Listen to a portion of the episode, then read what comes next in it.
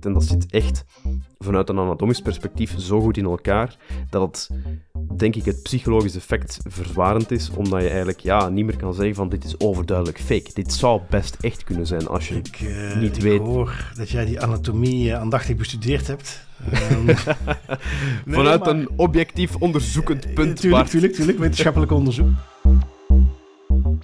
Hallo en welkom bij Das Privé, jouw wekelijkse privacy podcast. Iedere aflevering praten we hierbij over het reilen en zeilen in de wereld van privacy.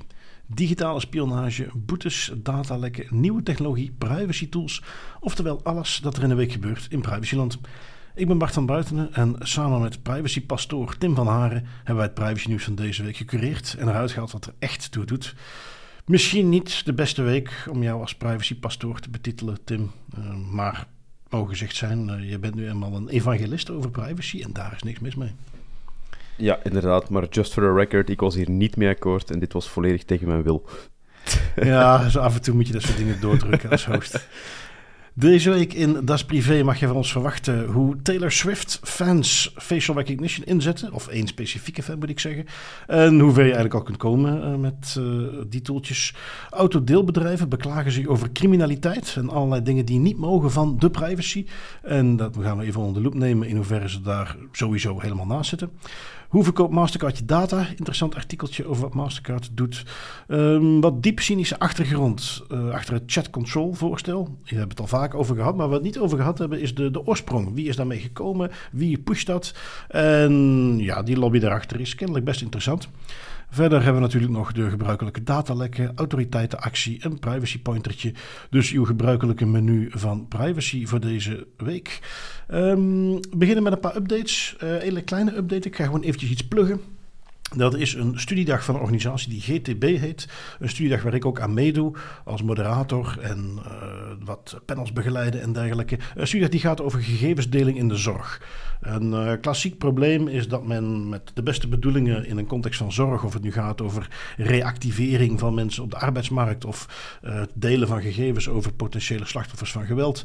Ehm, men wil gegevens delen en ja, daar, daar is een, een, een issue in het wettelijk kader wat dat mogelijk moet maken. Het ontbreken daarvan moet ik beter zeggen. Hoe gaan we dat dan doen? Welke tools gaan we gebruiken? En die studiedag is bedoeld om daar eens naar te gaan kijken. Met een heleboel eh, zeer eh, eminente sprekers. En eh, ja, voor de mensen die naar de podcast luisteren, die kunnen zich daar gratis voor inschrijven. Dus heb je daar interesse in? Het is op eh, 18 oktober. Nee, sorry, 19 oktober. Dat zeg ik even verkeerd. 19 oktober in Gent. En ik ben daar ook aanwezig, samen met dus nog een heleboel andere mensen. En als je daar gratis aanwezig wilt zijn om deel te nemen, laat het even weten. bart.dasprivé.be en dan regel ik dat voor je. Ehm, wat hebben we nog? Een ander updateje. Ik, eh, we hadden het vorige week gehad over eh, AI recruitment. Eh, het is te zeggen Now Jobs, een, een, Belgisch bedrijf, die volgens de, de, de persberichten ChatGPT gebruikte om vervolgens automatisch werkgever met werknemer te matchen, automatische contracten op te laten maken. Wij kraakten daar wat kritische noten over en ik ben gecontacteerd door eh, Lies Plankaart, die daar onder andere legal counsel is en, en eigenlijk al jarenlang betrokken is bij eh, hoe passen we privacy op de goede manier toe in dit soort dingen. En die wist mij te melden van ja, ergens is daar een beetje iets lost in translation gegaan met de publicatie. Eh, aan de ene kant is onze marketingafdeling natuurlijk heel blij met alle media-aandacht. Maar ik moet toch even iets rechtzetten. Nou, en daar zijn wij eh, helemaal niet vies van om dat eventjes te doen. Want het blijkt zo te zijn dat de inzet van ChatGPT aanzienlijk minder AI-shimmy is dan we oorspronkelijk dachten. Of dan het ook in die persberichten een beetje bleken.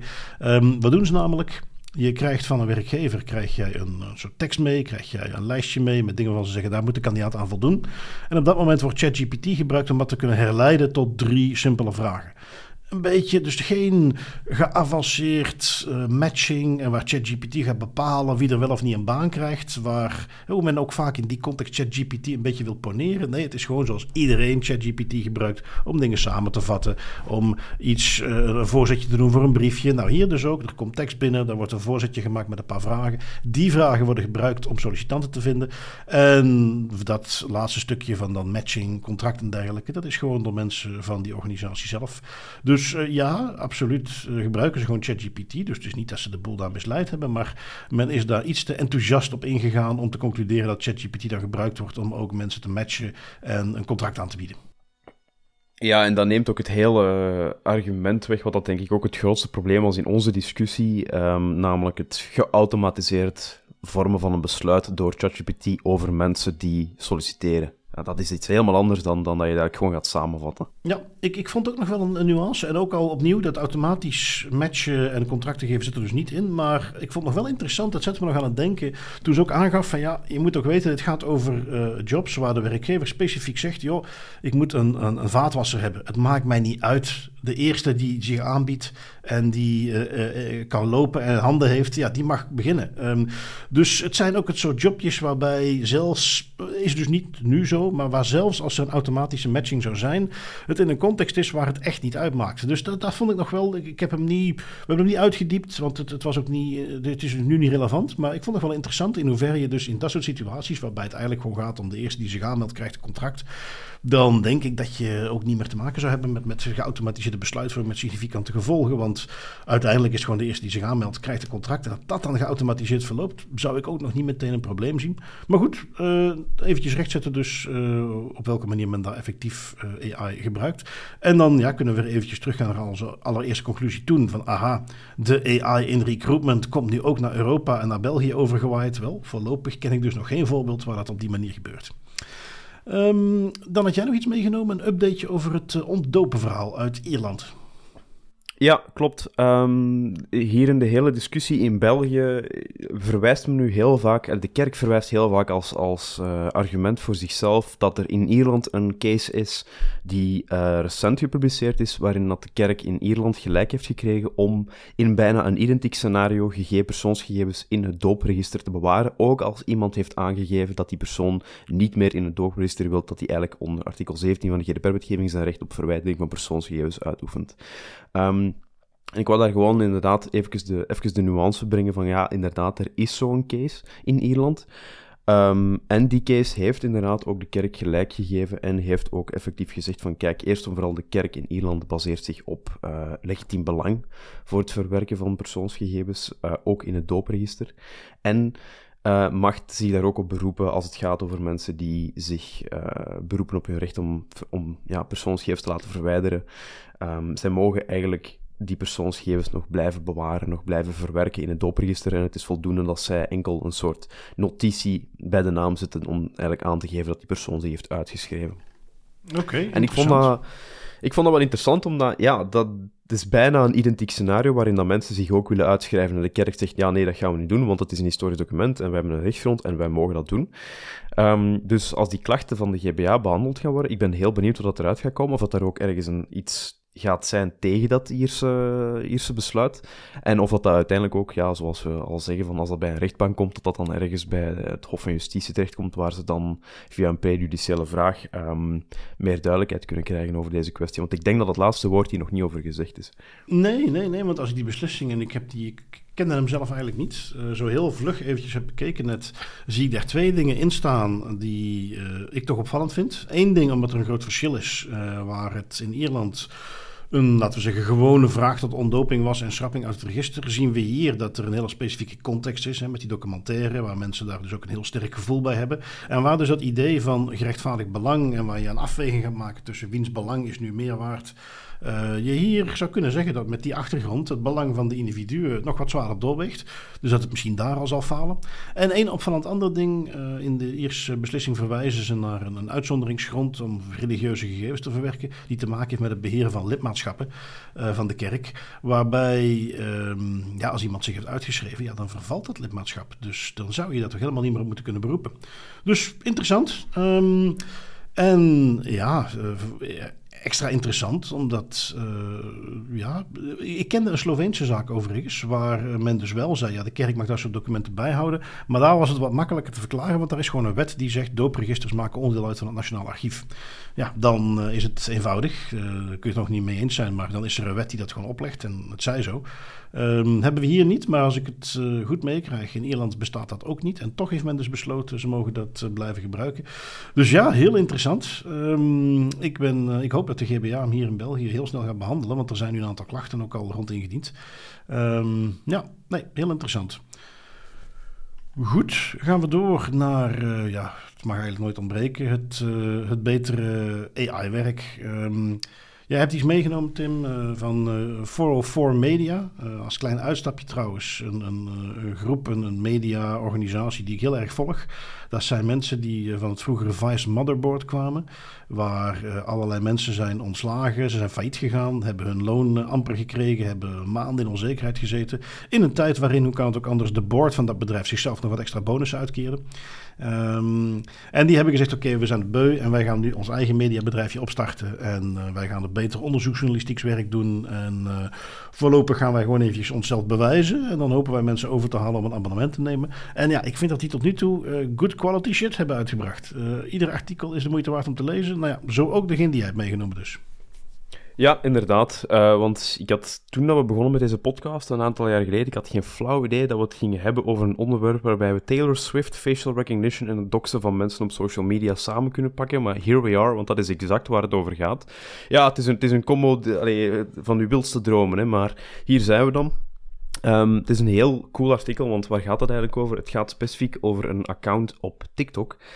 Uh, die, ja, ik denk dat hij nu al meer dan 100.000 volgers heeft, dus dat begint ook wel wat traction te krijgen. En die account doet eigenlijk niks anders dan mensen die uh, op social media verschijnen, om die eigenlijk uh, te onderwerpen aan facial recognition onderzoek met de tool PimEyes, die wij ook al een aantal keer hebben meegenomen. En voor de mensen die niet meer weten wat PimEyes is, dat is eigenlijk een heel gemakkelijk publiek toegankelijke facial recognition tool die je gewoon in je webbrowser kan draaien, um, waarin dat je een foto kan uploaden van, opladen van iemand.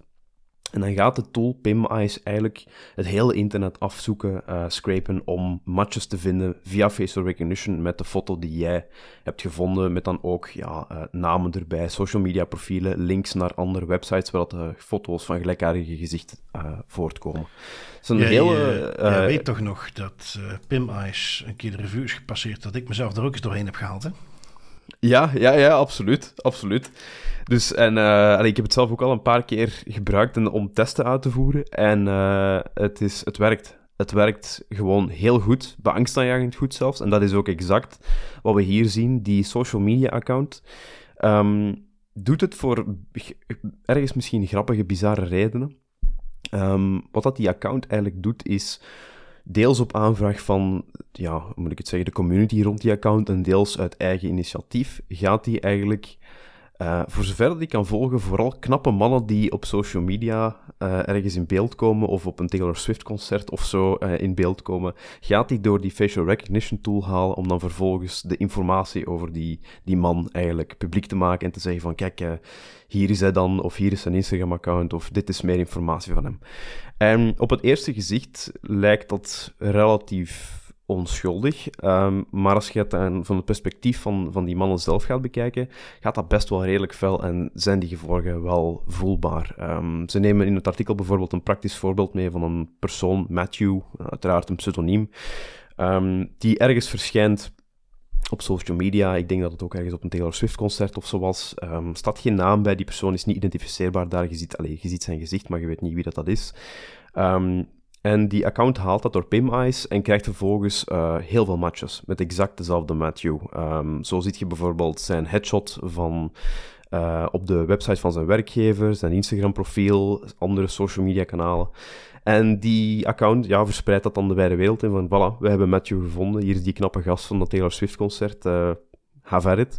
En vervolgens Matthew die relatief ja, uh, onbewust was van wat er gaande was en die op huwelijksreis was in Zuid-Afrika, die krijgt plotseling gigantisch veel verzoeken op Instagram van, um, van allemaal ja, mensen die die account volgen. Um, met dan de meest ja, rare vragen. Sommige vragen gaan gewoon over wat die vent een OnlyFans-account heeft, of wat hij seksuele handelingen wil doen. Uh, andere vragen gaan gewoon zijn gewoon relatief vriendelijk. Uh, sommigen zijn heel stalkerig. Er is zelfs een mail gestuurd naar zijn werk-e-mailadres, dankzij deze actie. En je ziet dat dat dus redelijk ver gaat. Je beweegt u relatief anoniem, de illusie is er toch, relatief onbekend op, uh, op het internet. Er wordt een foto van u genomen, die wordt ergens gepost. En voordat je het weet, um, heb je eigenlijk een tweeduizendtal uh, mensen die u lastigvallen of die u benaderen voor een of andere reden. En dat geeft nog maar eens mee dat ja, het, gebruik van zo'n tools en de aanwezigheid van zo'n tools zoals PayMice, wat je gewoon vrij als consument kan gebruiken en relatief goedkoop is om te gebruiken, Um, als je dat op de verkeerde manier gebruikt en als je daar onvoorzichtig mee omgaat, dan kan dat wel echt grote gevolgen hebben voor de mensen die daaraan onderworpen worden. Ja, dat, dat laatste is het. Hè? Uh, die, die eigenaar van een TikTok-account, waarbij ik nu ik het hoor, door heb dat de Taylor Swift link redelijk uh, oppervlakkig is. En dat had eigenlijk gewoon weggelaten had kunnen worden. Maar ja, dat maakt het natuurlijk extra sappig. Um, dat, uh, dat, dat, soort accounts, uh, zonder dat ze daar, want als ik het goed heb meegekregen, is die account is ook niet specifiek erop uit om mensen te beschadigen. Zoals je misschien andere soorten accounts wel zou kunnen tegenkomen. Die vindt dat gewoon leuk. Die krijgt ook requests binnen van gebruikers van hey, doe deze, doe deze, doe deze. Waarin hij er kennelijk op een gegeven moment 317 had en moest sturen van hey jongens, ik ben maar in mijn eentje, ik kan dit niet allemaal aan. Dus het is om een of andere reden heel populair. Terwijl ja, PIM-ICE is in feite voor iedereen toegankelijk. Hè? Ik bedoel, we zijn het al, we hebben met allebei alles gebruikt. Dus zo bijzonder is het niet. Maar ja, goed, zo zie je maar hoe mensen die er net wat meer van afweten met relatief simpele tools eh, de magie van AI al uh, kunnen gebruiken voor allerlei dingen. Um, die, uh, nou ja, zoals ze dat voor, volgens mij ooit in een, een, boek wat ik wel eens als zei ze op een bepaald moment, als iets maar complex genoeg is, is wetenschap niet meer te onderscheiden, onderscheiden van magie. En nou ja, goed, dat, dat, voor sommige van die mensen is het gewoon: wauw, ik geef jou een foto en je weet precies wie het is als je weet hoe het gebeurt, is het niet zo indrukwekkend. Maar bevestig nog maar eens. Um, want men heeft bij het lezen ook aangegeven, of uh, een van de privacy-advocaten in Amerika gaf van ja, ach, die gegevens staan publiek. Uh, ja, het is misschien niet leuk, maar ik zie hier niet meteen een probleem. Ja, thank God voor GDPR, want uiteraard is dat hier wel een probleem. Ja, absoluut. En, en dat is de crux van het verhaal. Van ja, ergens die gegevens staan publiek, maar staan uh, zeer gefragmenteerd, zeer verspreid en ook niet altijd even gemakkelijk toegankelijk voor iedereen. Maar als je dan vervolgens zo'n tool als PMIS gaat gebruiken om al die gegevens te gaan verzamelen in een mum van tijd, ondersteund door facial recognition. En zo eigenlijk een, een foto waarin, dat je niet, waarin dat jouw identiteit, jouw naam niet herleid kan worden uit die foto, plotseling toch kan koppelen aan jouw identiteit. Ja, dat dat amplified gewoon de capaciteit die de gemiddelde consument heeft om zo'n dingen te gaan doen, for better or worse. En trouwens, de, uh, de link met Taylor Swift wordt ook gelegd niet alleen bij het feit dat de mensen die in die, uh, die facial recognition onderzoek is dan om het zo te noemen, dat die vaak op Taylor Swift concerten aanwezig zijn, maar de creator, de persoon die de uh, TikTok-pagina beheert, die maakt ook edits, zo ja, mm. um, filmpjes waarin er een aantal foto's verschijnen van de personen die ze onderzoeken, um, met dan Taylor Swift muziek op de achtergrond. Dus er is ook een heel groot vermoeden dat die persoon zelf een hele grote Taylor Swift fan is. En gezien de doelgroep van de onderzoeken, wat dat vooral knappe mannen zijn die op Taylor Swift concerten zijn, uh, kunt je al wel raden in wat voor categorie van uh, in personen dat je dan terechtkomt. Ja, goed. Uh, niks ten nadele van Taylor Swift-fans. Want ik heb ergens wel eens gelezen... als je die tegen je in het harnas jaagt, dan heb je een probleem. Dus uh, hey, go Taylor Swift. um, maar ja, het is... Um, en, en, en, ja, ik, ik, kan dat dus ook niet laten... omdat als je dat er dingen dan voorbij ziet komen... om toch iedere keer weer dat verschil te zien... tussen GDPR-land en de rest van de wereld. Waar het toch steeds meer lijkt dat gewoon persoonsgegevens vogelvrij zijn... en waar iedereen met een ideetje dat gaat uitvoeren... met dus potentieel gewoon negatieve gevolgen. En want... Nu was het gewoon Matthew die op zijn huwelijksreis uh, werd bestookt door allerlei fans. En uh, mensen die wilden vragen, wat is je OnlyFans? En uh, hij voelde zich wat opgelaten. En gelukkig was dan ergens in een omgeving waar hij niet vaak wifi had. Dus hij kon er wel overheen komen. Maar natuurlijk het klassieke voorbeeld van iemand waarbij dat gebeurt. En dan bleek dat Matthew zich eigenlijk had ziek gemeld bij zijn werkgever. En dan wordt hij op een Taylor Swift uh, of een ander concert dan ook, wordt hij eruit gepikt. Wordt hij ontslagen. Dat is ook al, en dat is daarom nog niet levensverwoestend. Maar dat zijn al negatieve gevolgen. Dus het is heel goed om op die manier nog eens te zien uh, wat wij toch een beetje ook te danken hebben aan de GDPR. Want dat is echt wel de reden waarom dit soort dingen hier gewoon minder gebeuren. Pim zelf heeft ook al problemen gehad. Hebben een aantal dingen uh, aangepast in de Europese context context. Dus uh, ja, nee, heel interessant. Um, het is in ieder geval iets wat uh, echt een issue is ten aanzien van de privacy. Um, want ik heb iets meegenomen, dat vond ik toch... Ik heb het op een gegeven moment nog eens goed gelezen. En, en, en hoe langer ik het las, hoe meer ik dacht van... ja, maar eigenlijk is dit pure onzin. Um, waar gaat het over? Een artikeltje op de VRT-website. Um, drugsbendes en overvallers gebruiken deelauto's. En waar gaat het dan over? Het is iets waar, um, nou ja, verder nog onderdeel van de titel is: Maak delen risicoprofielen mogelijk. En onder andere komen Miles, Poppy en Renta Solutions komen aan het woord. Um, en het uh, artikel is dat ze zich dus beklagen over het feit dat privacywetgeving het heel moeilijk maakt om criminelen tegen crimineel gebruik van de deelauto's tegen te gaan. Um, men haalt dan het voorbeeldje aan hoe de terrorist Salah Abdeslam gebruik maakte van een huurauto of een deelauto om mensen in Parijs op te halen. Um, het uh, crimineel gebruik gaat verder, geeft men dan kennelijk via het parket nog aan. Uh, en het probleem is, ja, die auto's zijn natuurlijk niet ingeschreven op naam van de gebruiker. En het is het verhuurbedrijf wat er dan last van heeft. En, en ja, ANPR-camera's die pikken natuurlijk geen gezichten voorlopig op. Die, je hebt misschien wel een foto, maar daar, is het ook mee gezegd. Um, en ja, goed, dan heb je dus bedrijven zoals Poppy, Miles en, en de sectorfederatie die er dan op reageren. Um, waarbij ze aangeven dat ja, een van de, de problemen waar ze tegenaan lopen is toch dat ze geen gegevens mogen delen. Dat dat niet mag van de privacywetgeving. Um, dan lees je wat verder en dan ga je kijken. Ja, uh, hebben ze nagevraagd bij Brussels Parket en de federale politie. Ja, of wat voor, uh, voor statistiek hebben we het over? Uh, hoe vaak gebeurt dat dan dat huur- en deelauto's worden ingezet voor criminaliteit? je voelt hem maar komen, de federale politie, geen statistieken. Brussels parket, geen statistieken. Dus tegelijkertijd roepen ze in het begin van het artikel roepen ze al van ja, uh, dit is een, een serieus probleem. Um, maar aan de andere kant kunnen ze dus helemaal geen cijfers uh, aanhalen om te duiden hoe groot is dat probleem dan. En verwijzen ze natuurlijk naar het ene schokkende voorbeeldje wat ze konden bedenken. Een terrorist van jaren geleden die een huurauto gebruikte. Iets wat tussen haakjes niet nieuw is. Hè? Huurauto's, er bestaat al decennia het principe. En inderdaad, die kunnen voor allerlei doeleinden gebruikt worden. En wat blijkt nu, als je verder leest, daar zijn ze alles vaker tegenaan gelopen. En een van de meest eh, pragmatische maatregelen die ze tegen genomen hebben, is het feit dat ze nooit meer cash accepteren voor huurauto's, eh, deelauto's sowieso al niet als via een appje. En dat heeft kennelijk al een heleboel opgelost, geven ze zelf ook toe in het uh, artikel. Daar hebben ze een deel van het crimineel gebruik mee uitgesloten, wordt gequote door Frank van Gol, Renta Solutions, directeur. Um, dus ja, kennelijk heeft men het eigenlijk al opgelost. Maar geeft hij dan aan, ja, we willen nog meer maatregelen nemen. Dus ga even door. Ze hebben al gezegd, we hebben uh, ondertussen cash onmogelijk gemaakt en daar hebben we een deel mee uitgesloten. Er zijn geen cijfers bekend van hoe groot dit probleem eigenlijk is. Maar toch wil men nog extra maatregelen gaan nemen. En wat zijn die maatregelen dan? Wel, men wil eigenlijk het liefste een, een soort uh, zwarte lijst kunnen opstellen. Uh, waarin men dan bijhoudt welke mensen een risicoprofiel zijn. En die moeten, willen ze dan kunnen delen met de andere deelhuurbedrijven. Um, nou ja, ik weet niet of uh, jij zult er wellicht geen ervaring mee hebben. Ik ook niet trouwens voor de duidelijkheid. Maar in de autoverzekeringssector bestaat het principe van een zwarte lijst al jaren. Decennia durf ik zelf zeggen. En heel klassiek, jij betaalt je premie een paar keer niet. Dan kom je op een gegeven moment op die zwarte lijst terecht. En daar staan geen strafrechtelijke gegevens op, hè, want dan wordt het wel een probleem. Maar dus dat principe van een zwarte lijst, die wordt gedeeld tussen in dit geval de verzekeraars, bestaat gewoon, wordt gewoon gebruikt. Uh, en daar is ook helemaal geen probleem mee. Dus dat is alweer iets in dat artikel wat totaal niet klopt.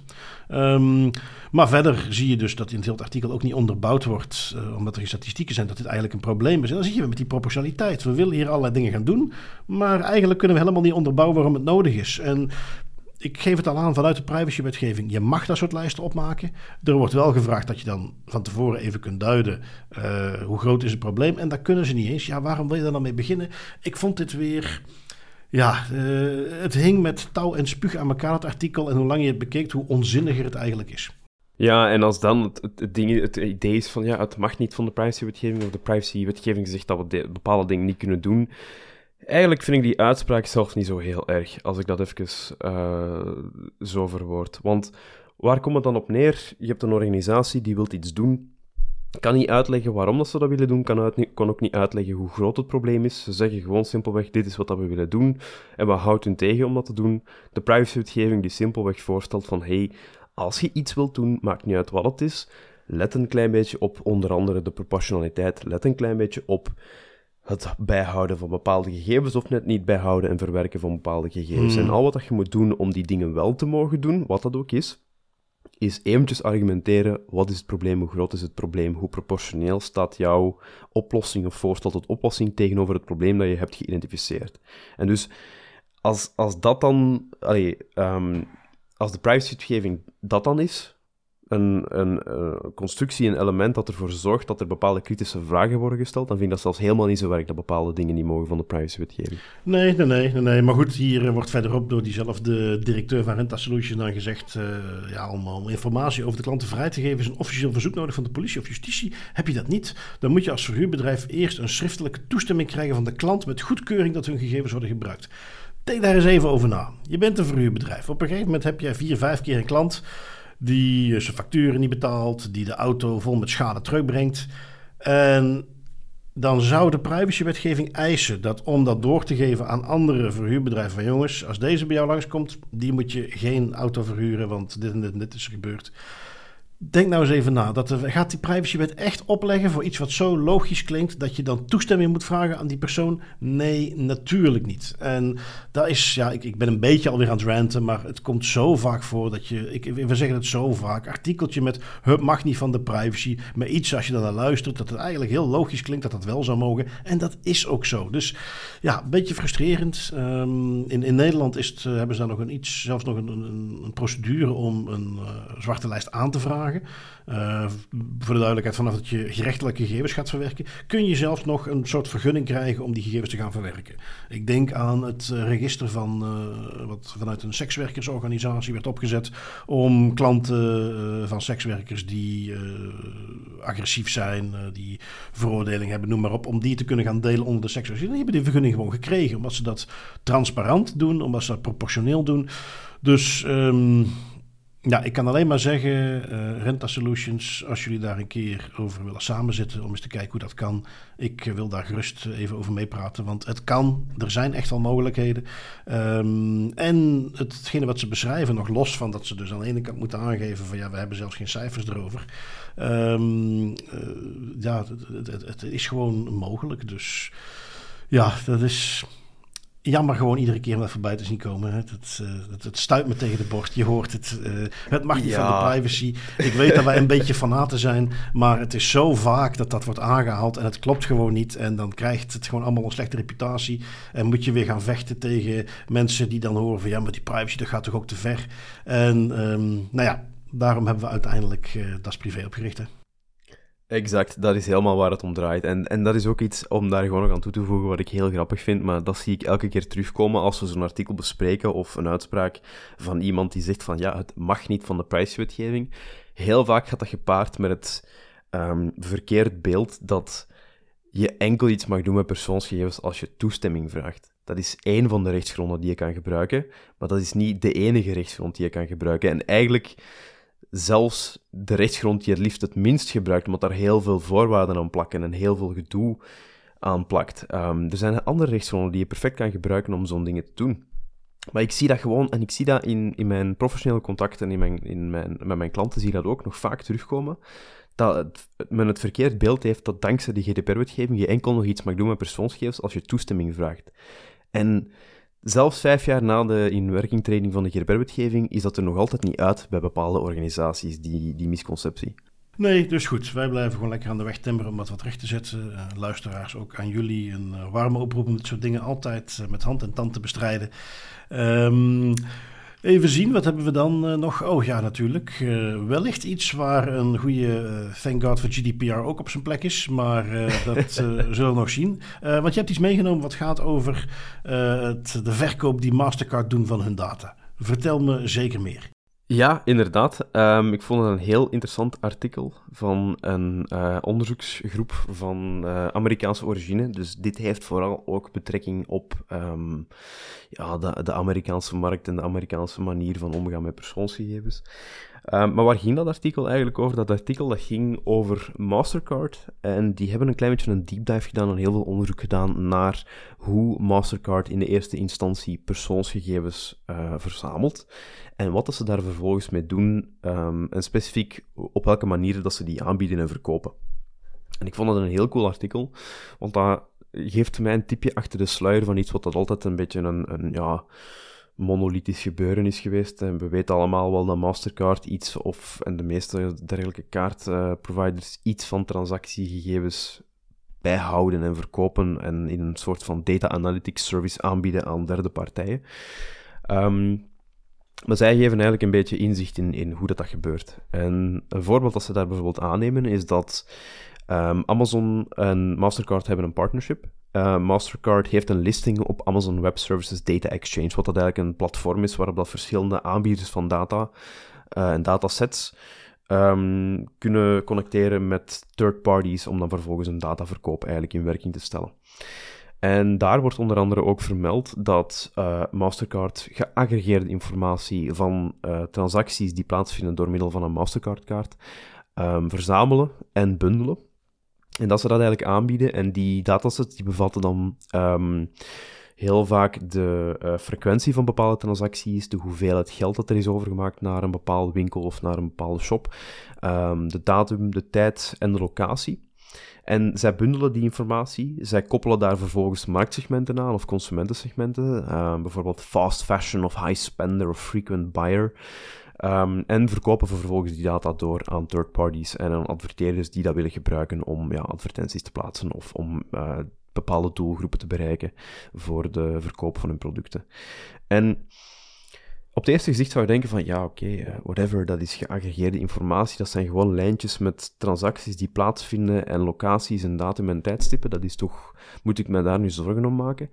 Um, wel, er zijn al best veel studies geweest die ook aantonen dat zelfs dergelijke geaggregeerde en geanonimiseerde gegevens um, met relatief weinig moeite zelfs uh, gebruikt kunnen worden om een individu terug identificeerbaar te maken in die dataset. En dat gaat zelfs heel, heel veel terug. Er is uh, een specifieke studie waar waarnaar wordt gerefereerd in het artikel van 2015 van het MIT, waarin als zij eigenlijk een gelijkaardige dataset van 1 miljoen mensen hun creditcard transactions, dus dat zijn geen 1 miljoen uh, transacties, maar dat zijn de verschillende transacties van 1 miljoen mensen over drie maanden, een hele grote dataset, um, dat zij die hebben geanalyseerd en hebben geprobeerd om in die dataset een één individu terug te kunnen identificeren. En zij hebben dat een aantal keer gedaan en dat is met een succesratio van 90% gelukt om uh, aan de hand van slechts vier aankopen om iemand terug te herleiden in zo'n dataset. Wat dat ook nog maar eens aangeeft dat terwijl Mastercard zegt van ja, die datasets zijn anoniem en wij mogen daar heel veel mee doen, want het risico is zodanig laag. Aan de andere kant, onderzoeken al best veel hebben bewezen dat Anonimiteit is eerst en vooral geen vast begrip. Dat is volledig afhankelijk van de technologie en van de capaciteit die wij hebben om uh, bepaalde analyses te doen op datasets en bepaalde onderzoeken te doen en op die manier mensen te herleiden. Maar twee, het is ook een, um, het is ook een term die te zwaar en te veel gebruikt wordt. En dan vooral in Amerikaanse contexten dat idee van anonimiteit en pseudonimiteit, zoals dat wij dat hier dankzij de GDPR-wetgeving kennen, uh, is, bij, is in Amerikaanse ja, diensten zoals data exchanges en data brokers, dat zit nog altijd niet goed. Waardoor dat je de illusie creëert dat je um, ja, data verkoopt waar dat je vrij alles mee mag doen, terwijl er eigenlijk nog best wel gevoelige informatie in zit. Wat dat zelfs zo ver kan gaan als het herleiden van de rest van iemand. Weet je, weet je hoe cynisch ik ondertussen geworden ben? Ik ging er al helemaal vanuit dat die data waar we het hier over hadden, dat het sowieso gepersonaliseerd ging zijn. En dus toen jij zei, ja, ja het is dan wel geaggregeerd, had ik al iets van, oh, valt weer mee. Uh, had veel erger gekund. Um, maar ja, dat onderzoekje wat je aanhaalt, ja, dat, is, dat, is, dat onderzoekje wordt in alles wat gaat over de-anonymisering, wordt dat gequote als een hele bekende. En ja, dat is ondertussen ook alweer uh, acht jaar geleden. Hè? Uh, er is meer data beschikbaar, de algoritmes zijn sneller geworden. Dus dat is zeker niet moeilijker geworden. Um, dus, dus ja, nee, wat kunnen we nog zeggen? Het is compleet voorspelbaar dat Mastercard dit doet. Dat, dat weet je van tevoren. Um, het is iets waar, eh, als je dan bijvoorbeeld kijkt naar de banken bij ons, een KBC en een BNP, ehm, die zijn aanzienlijk terughoudender. Die gebruiken die data ook wel. Um, maar herinner je misschien een tijdje terug hadden wij het over een onderzoekje wat uh, met de UGent was uitgevoerd. Uh, waar de UGent dan bepaalde uh, vragen mocht stellen op de dataset die ik, ja, volgens mij was BNP. Die BNP had, daar kregen ze dan gegevens uit terug. Die waren al geanonimiseerd. En dan ging de universiteit daar zelf wat dingen mee doen. Maar dat zat echt wel goed in elkaar. Ik gebruik dat zelf wel eens als voorbeeldje in trainingen over goed gebruik van data. En ja, ja, dat is gewoon een andere wereld. Hè. Dus, dus ja, ik, ik ben absoluut niet verrast. En ik verwacht dat dit iets is. En dan, dan weet je eigenlijk al genoeg. Dan weet je ook dat ze de schijn niet eens proberen op te houden. Als ze dit in Europa niet doen, betekent dat dat ze diep van binnen prima weten dat dit toch nog persoonlijk herleidbaar is. En dat ze dus ook weten dat het hier niet gaat pakken. En um, ja, kan ik alleen maar concluderen dat ik, uh, want ik heb ook een Mastercard, ik gebruik die ook wel eens. Ik bedoel, heel veel van die online diensten, allerlei apps, SaaS-software, noem het maar op. Ja, dat is allemaal met creditcard. Dus um, ik uh, hoop dat ze er in die context iets voorzichtiger mee omgaan. En dat het iets minder makkelijk is in Europa om die gegevens aan de man of vrouw te brengen.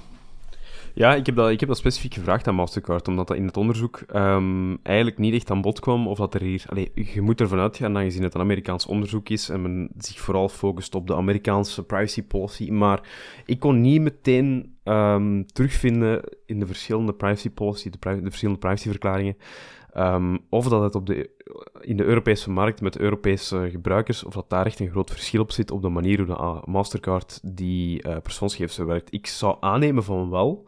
Zou eigenlijk ergens ook logisch zijn. Maar uh, ik heb het gewoon gevraagd um, om daar wat meer duiding over te krijgen. Dus ja, want... misschien in een volgende update dat we daar een antwoord op kunnen geven. Ja, want het zou natuurlijk perfect kunnen dat ze zeggen van ja, ja, want die zijn geanonimiseerd, dat doen we hier ook. Is natuurlijk, uh, nou en dan kunnen we eens verder kijken, want zo anoniem zal het niet zijn. Ja, over uh, cynisme van uh, daar straks uh, gesproken. Um, chat control hebben we het al vaak over gehad. Hè? Die Europese wetgeving die tot doel heeft om, om onze devices allemaal helemaal suf te gaan scannen om die 0,5% mensen, 0,5 weet ik veel wat exact getal is natuurlijk, eh, op te sporen die daar hele dubieuze beelden op hebben staan. Waar wij het allemaal over eens zijn dat uh, dat soort uh, ja, CSAM, ik vind dat op zich wel een makkelijke afkorting in, het Engels, Child Sexual Abuse Material, CSAM materiaal, um, daar moeten we iets tegen kunnen doen. Dat moet gevonden worden, maar dat moet niet ten koste gaan van iedereen zijn privacy. hebben we het al vaak genoeg over gehad. Wat ik nog niet voorbij had zien komen en wat altijd interessant is, is um, wat erachter zit aan lobbywerk als er nieuwe wetgeving komt, is dat heel vaak iets wat um, uit, ja, nee, niet heel vaak, in Europese context komt dat uit de koken van de Europese Commissie. Maar die worden daar soms ook wel eens een beetje door gepusht en geduwd om uh, met wetgeving te komen. Um, niets menselijks is hen vreemd. Als zij het gevoel hebben dat zo'n wetsvoorstel wat aan hen wordt aangeraden, of, of er zijn, hè, dat wat lobbyisten doen, hè, die maken een afspraak met zo'n Vestager, met zo'n bekende Europees commissaris, Johans in dit geval. Um, die doen daar voorzetjes en die planten een zaadje. En op een gegeven moment komt dat zaadje tot wasdom en gaan ze daar uh, aan wetgeving werken.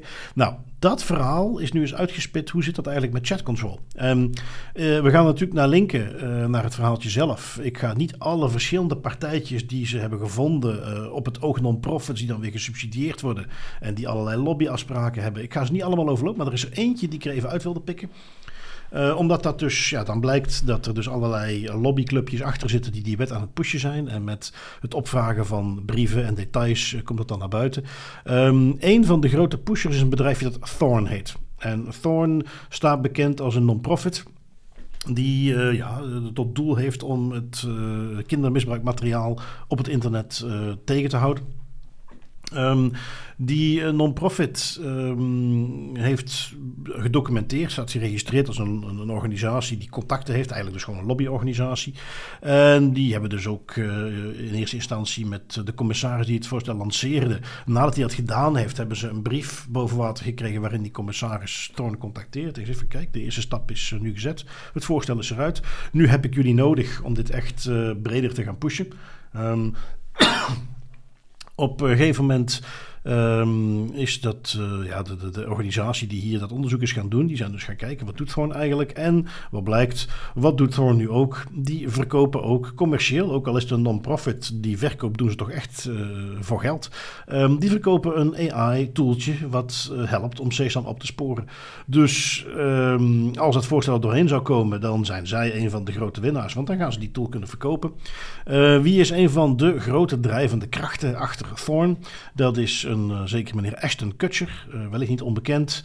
Uh, van, ja, ik weet niet welke generatie die nog kent. Heb jij That 70 Show ooit gekeken? ik moet toegeven van niet. ik, moet, maar ik ken Ashton Kutcher wel. Destijds was ik geen grote fan van die show hoor, maar dat is wat hij bekend mee is geworden. Uh, maar hij is met iets anders ook bekend geworden relatief recent. Want een van zijn mede-acteurs in dat 70 show is uh, ondertussen voor uh, een paar verkrachtingen meer dan 30 jaar de bak in gegaan. En ik heb geen idee waarom die vond dat het een goed idee was. Maar die heeft dan tijdens die rechtszaak kun je een soort vriendenbrieven insturen. Hè, waarin je uh, wilt getuigen over iemand. En kennelijk hadden hij en zijn uh, vrouw, Nila Kunis, ook 70 Show uh, alumni, hadden brieven ingestuurd om die vent te verdedigen. Dus je hebt iemand die ja, met dat soort dingen veroordeeld wordt. En dan heb je brieven ingestuurd om die te gaan verdedigen. Nou, dat gewoon even afzetten tegen die context van. En tegelijkertijd dus een groot volvechter uh, van uh, die Thorn. En dat tegen dat materiaal. En dus mede pusher van die wetgeving. Maar dan blijkt ze stiekem ook nog eens een toeltje te hebben wat we verkocht. Het is gewoon diep, diep cynisch. En uh, nou ja, dat hele artikeltje benoemt zo nog een paar non-profits. Ook eentje die gevestigd is in Nederland. Die dus allemaal lobbywerk aan het doen zijn om, om allerlei mensen te overtuigen om die wetgeving doorheen te duwen. Um, en ja, uh, wat daar natuurlijk ook weer uit naar voren komt, is dat dus het Save the Children argument uh, ingezet wordt om hun eigen agenda er doorheen te duwen. En dat is, uh, zoals ik in het begin al zei, dat is diep, diep cynisch. Ja, ja en, en sommige van deze scenario's, als je ze omschrijft en als je, als je ze zo op deze manier naar voren brengt, je zou bijna zeggen van, ja, hier moet je zilverpapieren hoedje al bijna voor opzetten, want dit, dit kan bijna niet. Maar als je dan ja, gaat kijken, het is gewoon de realiteit. En Um, dat, is, dat is inderdaad een heel mooi punt dat je nog aangeeft. Is, dit is, en ik denk dat dat bij heel veel van deze beslissingen, van dergelijke beslissingen zo is, maar dit idee van, oké, okay, chatcontrol en hoe gaan we daar in de toekomst naar kijken, naar het beschermen van kinderen, um, dit gaat veel verder dan gewoon een emotionele moraliteitskwestie waar het gaat over het beschermen van onze kinderen in een steeds meer digitaal wordende toekomst.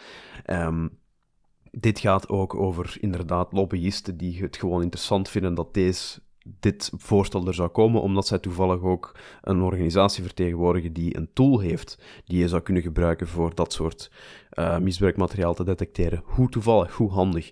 En ja, dat, dat voelt een beetje wrang aan eigenlijk, hè, dat je eigenlijk... Um, op, welke, op welk niveau kan je, op dan, kan je dan nog objectief uh, adviseren over het al dan niet inzetten van een bepaalde wetgeving als je dergelijke interesses hebt? Die je eigenlijk motiveren. Ja, ja, ja, ja, dat is de eeuwige kwestie hier rond lobbywerken. Ja, en ik, ik, moet zeggen, ik dacht nog eventjes toen ik het las van ja, maar gaat het artikeltje nu gewoon over die ene organisatie? Wie weet dat Ashton Kutcher zelf ooit slachtoffer is geweest en nu die organisatie heeft opgezet en dat het idee achter die tool uh, is dat, uh, dat dat echt met de beste bedoeling is opgezet en uh, dat hij dat daarom zo zit te pushen.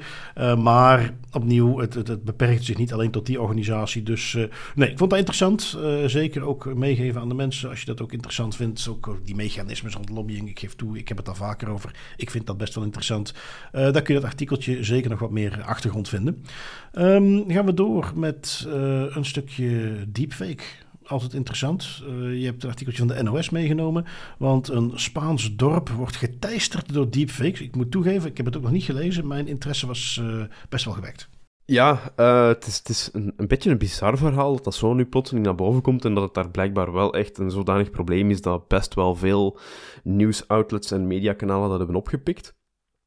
Maar uh, wat is daar eigenlijk gaande? Er is een, uh, een specifiek Spaans dorpje waar um, heel veel jonge, laten we zeggen ook meteen minderjarige meisjes geconfronteerd worden met het feit dat naaktfoto's van hun verspreid worden. Nu, um, het ergens lugubere, maar ook interessante aan dit verhaal is dat die naaktfoto's niet genomen zijn door die meisjes zelf. Dat zijn foto's die ze hebben gepost um, op Instagram bijvoorbeeld, waar als ze ergens op het strand liggen in bikini of waar als je gewoon met vrienden ergens in de zomer uh, aan iets aan het doen zijn. En die worden vervolgens door een uh, deepfake-algoritme gehaald om uh, de, de kleren letterlijk van hun lijf weg te, te elimineren en daar ja, anatomisch accurate geslachtsdelen en borsten en dergelijke op te plakken. En op die manier eigenlijk een relatief accurate representatie van hoe dat zij er zouden uitzien als ze naakt zijn, um, te verdelen. Dus effectief het gebruik van artificial intelligence, specifiek deepfakes, om mensen uit de kleren te zetten. Um, en op die manier foto's te verspreiden waarin het lijkt alsof die naakt zijn en waarom het, waarin het lijkt alsof dat hun naakt lichaam is. Want die mensen zelf weten natuurlijk dat dat niet zo is. Maar vooral de rest die die foto's te zien krijgen, lijkt het wel alsof je iemand van 17 jaar letterlijk uit de kleren zet. En dat kan zeer grote psychologische gevolgen hebben voor die mensen. Ook al weten zij goed genoeg dat zij geen naaktfoto's hebben genomen, dat dit gewoon fake is. Um, ja, qua reputatieschade en qua psychische gevolgen kan dat echt wel tellen. En dat blijkt een structureel probleem te zijn in dat dorpje. Er zijn een tiental, uh, tientallen meisjes, een stuk of twintig, tussen de 11 en de 17 jaar oud, dus dat is echt wansmakelijk jong, um, die daar nu geconfronteerd mee worden. Ja, ja, het is... Um, uh, je krijgt nog wel eens, uh, ik zal eerlijk toegeven, ik krijg nog wel eens het uh, gevoel, als ik er voorbij kom, ja, die foto's zijn toch niet echt. Waar, waar maken we ons druk om? Maar dat is natuurlijk heel makkelijk gezegd als uh, bijna 40-jarige man uh, die niet bekend staat als Brad Pitt lookalike en die daar niet heel veel over nadenkt. Maar op die leeftijd, voor die meiden, is dat natuurlijk waarbij gelukkig in het artikel ook aangehaald wordt dat een van de moeders aangeeft, nou ja, mijn dochter gaat er goed mee om. Maar ik kan me helemaal voorstellen, de andere variant die ze beschrijven, van uh, meisjes die hun huis niet meer uit willen, die zich... Uh, ergens toch bang zijn dat men dat serieus neemt. Of dat het gezien wordt als dat zijn echte foto's. Um, en, en, en ja, dat, dat dus echt psychisch onder lijden.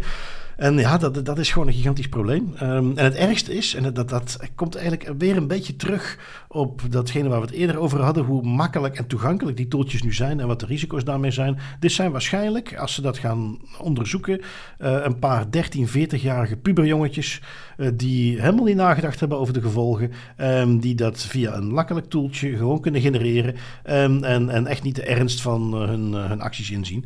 en ja, dat, dat maakt het zo moeilijk, hè? Zo, zo toegankelijk dat die dingen tegenwoordig zijn. Ja, absoluut. Um, ik denk dat het daar voor een groot deel op neerkomt. Um, dat het echt gewoon het feit is dat artificial intelligence tools voor de gemiddelde consument en voor de gemiddelde gebruiker, die daar zelf technisch niet echt aangelegd voor hoeft te zijn, daar gebruik van kan maken en daar um, best desastreuze gevolgen mee kan creëren. Zeker als het hierop aankomt. Want je moet je dat ook voorstellen. Ik, heb, ik doe daar tegenwoordig ook voor, um, voor Privcon, waar ik zo'n sessie ga geven daarover specifiek.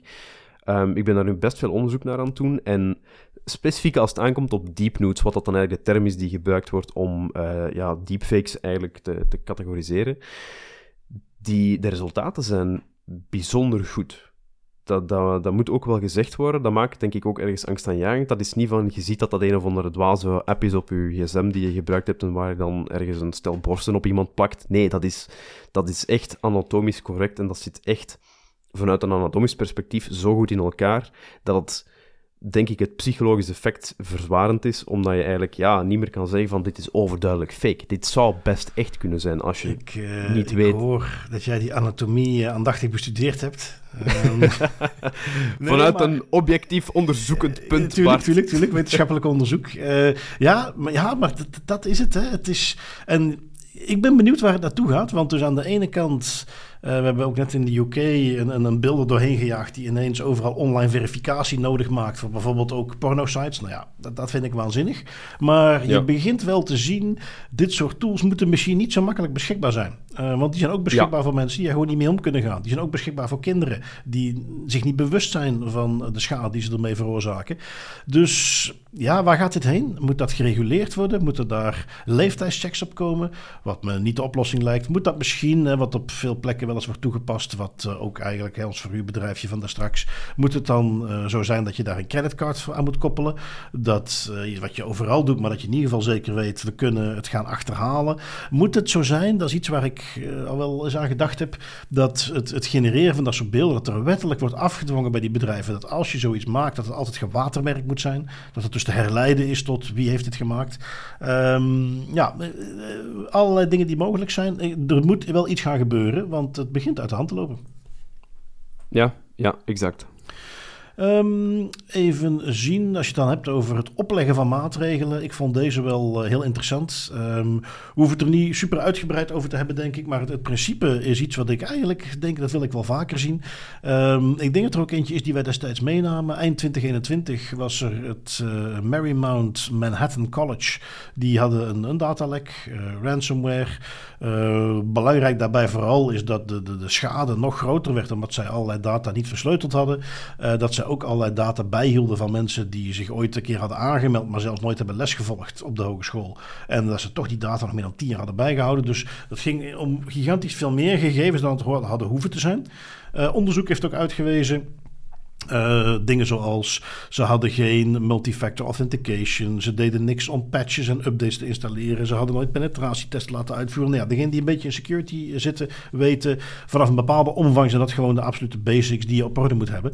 Um, uiteindelijk mm -hmm. is dus nu, hè, want daar kwam een rechtszaak van en er is nu een akkoord, een schikking met de procureur-generaal, waarin onder andere wordt afgedwongen dat zij de komende zes jaar verplicht 3,5 miljoen euro moeten investeren, sorry, dollar moeten investeren in cybersecurity. Um, Oké, goed, er gewoon een geldbedrag op plakken en, en uh, that's it. Uh, er was wel wat meegegeven wat ze daarmee moeten gaan doen. Uh, welke maatregelen ze moeten nemen. En ik ben daar eigenlijk best wel fan van. Je gaat ze geen boete geven. ik zou het bijvoorbeeld bij de GBA ook wel interessant vinden. Ja, die, die macht hebben ze niet, bij mij weten. Maar dat je zegt, ja, we leggen je geen boete op. Maar we gaan je wel verplichten. Dat kunnen ze wel. Maatregelen verplicht opleggen. Oké, maar nee, niet alleen dat. En we willen zien dat jij daar op zijn minst zoveel geld tegenaan hebt gegooid. Dat vind ik, ik vind het wel interessant eigenlijk. En veel effectiever dan een boete. Ik hoor ergens het uh, gejuich van honderden CISO's die zoiets hebben van ja, dat is exact wat we willen. Bring ik vind het ook een heel cool... Ja, exact. Give me the money. Ik vind dat een fantastisch idee. Um, voor de simpele reden dat dat lost in mijn ogen een groot probleem op. Namelijk, um, want we lachen ermee, maar het is wel soms schrijnend. IT-teams en ook data protection teams die uh, onderbemand zijn, die onder capaciteit werken, die te weinig budget hebben. Um, uiteraard spreken we een beetje voor onze eigen winkel nu, omdat wij er ook allebei in werken. Dus in welke mate is dat objectief? Ja, dat laat ik over aan de luisteraar. Maar het is wel een probleem dat je vaak ziet terugkomen, wat het er ook voor zorgt dat er eh, beveiligingslekken gebeuren, dat er datalekken gecreëerd worden. Uh, het, gewoon het IT-team dat niet kan volgen met de business, omdat ze te weinig budget krijgen, omdat ze te weinig middelen krijgen om hun functie goed te kunnen uitvoeren. Dus als je daar tegenover zet, ah, je hebt een incident voor gehad, en aan de basis daarvan lag bijvoorbeeld het feit dat er te weinig middelen waren, wel, vanaf nu gaan we het beter doen, jullie moeten verplicht zoveel geld er tegenaan smijten. Ik vind dat een cool idee. Ik vind dat heel goed en ik denk dat dat een hele positieve impact kan hebben. Ja, dus daarom wilde ik hem ook zeker even meegeven. Al is het maar een wat uh, ideetje te lanceren bij uh, mensen die luisteren. Uh, in hoeverre men uh, hier rechtbanken en dergelijke de bevoegdheden om dat ze op te leggen, dat weet ik niet. als iemand daar wat feedback over heeft, dan ben ik zeker geïnteresseerd naar. Maar ik vond het een, een hele innovatieve aanpak. Um, even zien, jij hebt nog iets meegenomen vanuit een... ja, ik zie het een overheidswebsite. Dus, het gaat over de training die uh, Amerikaanse handhavingsdiensten wel of niet krijgen rond facial recognition. Ja, inderdaad. Het is de Government Accountability Office, de GAO. Die hebben een onderzoek gedaan naar het gebruik van facial recognition bij een aantal wetshandhavingsdiensten. Um, de FBI, de Customs and Border Protection, de Bureau of Alcohol, Tobacco, Firearms and Explosives en, dergelijke.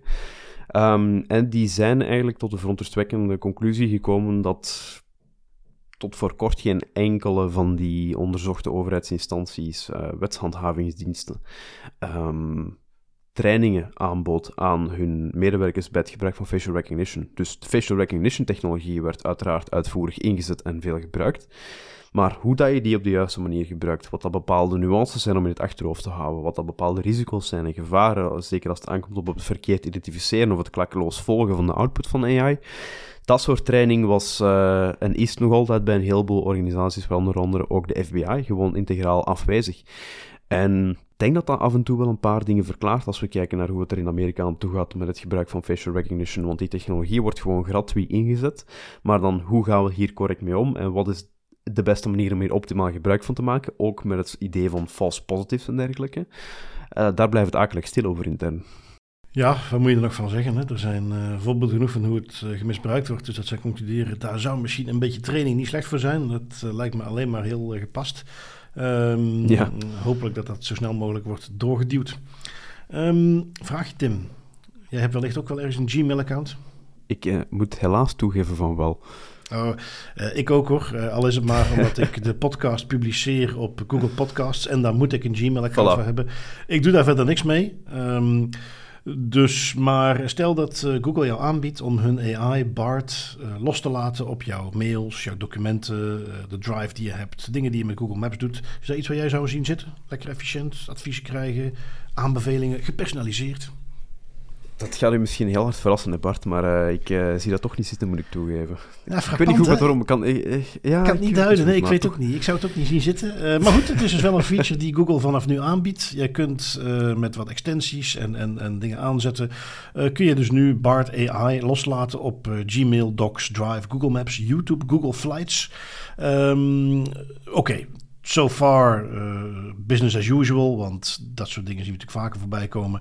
Eigenlijk op bepaalde manieren, zonder dat ze dat dan Bart Google AI noemde, deed Google dat al. Hè? Die pikte dingen op uit uh, je mailbox, ja, die deed voorstellen van goh, zal ik het in je agenda zetten en zo. Uh, maar goed, nu kunnen ze er een AI-sausje overheen gieten en dan is het ineens groot nieuws. Maar wat ik veel grappiger vond, is dat ze nog een extra feature hebben ingebouwd. En die feature heet Google It. Want eh, en dat, zo presenteren ze het niet, maar impliciet geven ze dus toe van ja, ook Bart AI, die komt af en toe met gewoon hallucinaties. Dus we voorzien een knop, Google It, die jou dan toestaat om de dingen die waar Bart mee komt, ook eventjes te toetsen aan de werkelijkheid. Dan vraag ik me wel af, ja, wat is dan nog het nut van dat ding? Ja, inderdaad. Want gaan ze dan zelf ook detecteren dat Bart iets fout heeft gezegd? Nee, je moet het gewoon zelf uitzoeken. Uh, ja, ja, Dan, dan inderdaad, wat is dan inderdaad nog het nut ervan? Dat, ja. Uh, ja. ja dus... Ik moet wel toegeven, ik, um, wat ik wel jammer vind is. Moest je mij tien jaar geleden hebben gevraagd van, hey, zou je graag een artificial intelligence hebben die gewoon plugin op je mails, je kalenders en, en je maps en al je activiteiten erin gaat en dat wordt een soort van personalized assistant die dingen voor u kan zoeken en dingen voor u kan doen. Ik zou dat een fantastisch idee hebben gevonden. Dat is zo'n science fiction idee voor mij, dat je eigenlijk een, een artificial intelligence hebt die jou kan ondersteunen in jouw planning, in jouw dagdagelijkse activiteiten probleem is alleen, ik ben zo cynisch geworden, en zeker als het dan van Google komt, dat ik, dat ik dat niet met een klaar geweten kan doen, omdat ik goed genoeg weet dat er nog van alles anders onder zit. Ja, ja, ja, precies, precies. nee, absoluut. Dus ja, goed. Uh, leuke Google. Sowieso te laat op het feestje. Maar dan als je ook nog eens gaat zeggen... en we gaan die ja. AI dan laten googelen... dan denk ik van... hé, hey, dat kan ik ook. Ik ben grappig. ik nu uh, een fancy AI? Um, wat hebben we nog? Ja, we hebben natuurlijk de categorie datalek. Ik ga de eerste eventjes redelijk snel voorbij. Het is weer een Moveit. Hè, die organisatie met uh, file transfer software... die op allerlei plekken is die gehackt zijn. En nu hebben we dan een KD's geboorteregister... waar dan weer 3,4 miljoen personen slachtoffer van zijn. aan de ene kant sneu dat we daar zo vlot overheen gaan. Maar goed, het is uh, ja, business as usual, zei ik al eerder. Um, de ICO die uh, heeft dan nog een beetje ook in het kader van datalekken. Die hebben recent een heel aantal organisaties die uh, gegevens van misbruikslachtoffers, huiselijk geweld verwerken op de vingers getikt. En die komen nu met een wat breder statement daarover. Ja, die in, in een notendop inderdaad, um, die, die komen eigenlijk met het idee dat dat daar helemaal niet goed zit en dat er een structureel probleem is wanneer het aankomt op het uh, goed en degelijk en veilig verwerken van persoonsgegevens, zeker van de persoonsgegevens van slachtoffers van huishoudelijk geweld of inderdaad van misbruik. Um, en zij, zij halen daar een aantal cases aan waar ik ook van denk van ja, dat, dit is echt facepalm materiaal. Um, organisaties die um, de safe house adressen van slachtoffers meegeven aan misbruikers of aan misbruikers die verdacht worden. Um, waaruit er in een bepaald geval een familie een paar keer eigenlijk gepingpongd moest worden tussen safe houses, omdat het de organisatie erachter het, het safe house adres en ook het nieuwe safe house adres maar bleef doorsturen naar de misbruiker. Um, de huisadressen van geadopteerde kinderen meegeven aan hun biologische vader. Dezelfde vader die um, in de gevangenis zit omdat hij uh, hun moeder drie keer had verkracht. Zo van die zaken waar je van denkt van, dat zou toch echt beter gescheiden moeten zijn, want dit zijn, dit, je trekt mensen uit elkaar opzettelijk omdat die mensen een gevaar vormen, of omdat één iemand een gevaar vormt voor de andere partij, en je wilt die mensen afscheiden van elkaar, en dan door een stom datalek of door er op de onjuiste manier onveilig mee om te gaan, creëer je terug een gevaarlijke situatie, wat dat ook echt in de fysieke wereld desastreuze gevolgen kan hebben. Dit zijn geen mensen die zoiets hebben van, dit zijn geen e-mailadressen en contactgegevens die gelekt worden, waar je dan van denkt van, goh ja, wat doen we daarmee? Dit gaat echt over slachtoffers van misbruik, die ver van hun, uh, van hun misbruiker vandaan willen gehouden worden. Ja, en uh, we kunnen hier nog dezelfde opmerking even over maken die we ook vaak in een medische context, als ik, als ik in een ziekenhuis ook uh, sessies moet geven aan doktoren. Je kunt de omgang met gegevens niet langer loszien van het verlenen van zorg. Het hoort bij elkaar. Jij kunt jouw zorg die je verleend hebt helemaal te niet doen om niet goed met die gegevens om te gaan. En in de context waar we het nu over hebben nog veel meer.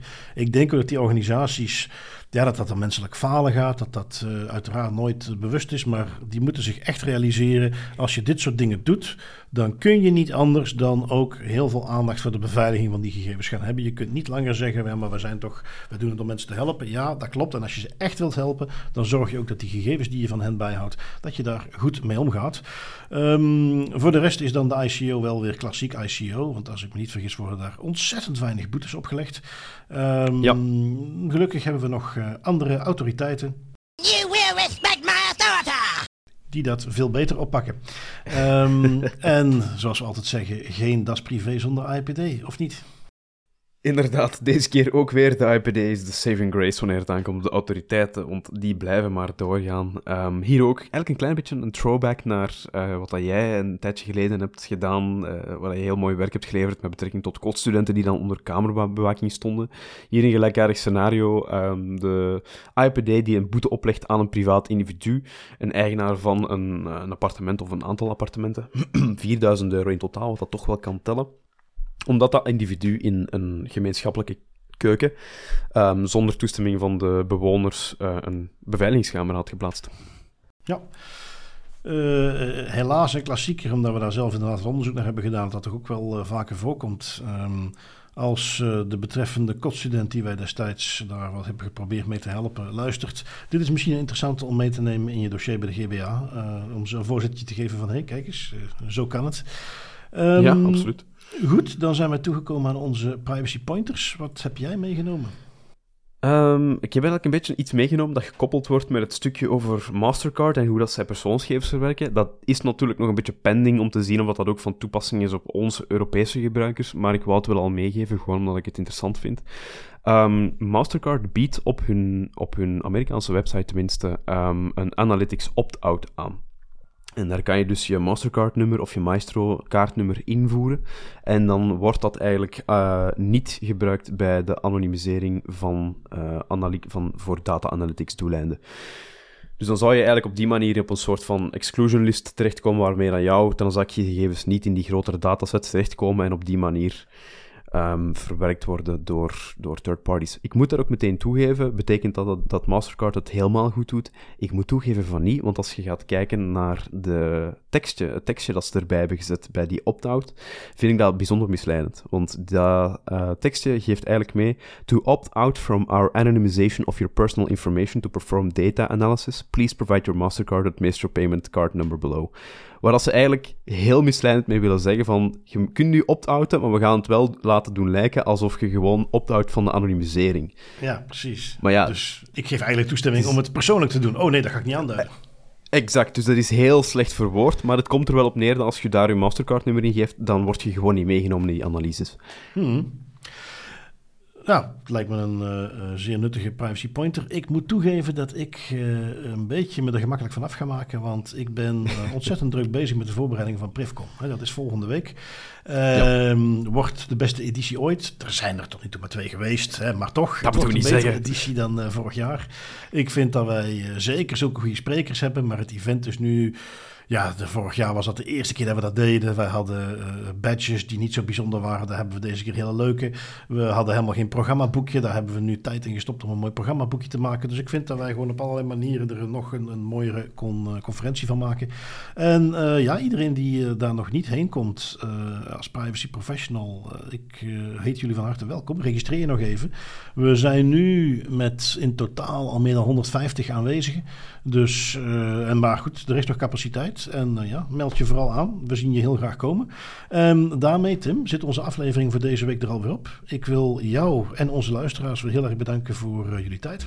Zoals altijd, Bart, met heel veel plezier. En ja, tot volgende week en tot op Privcon. Tot op Privcon, inderdaad. Tot dan.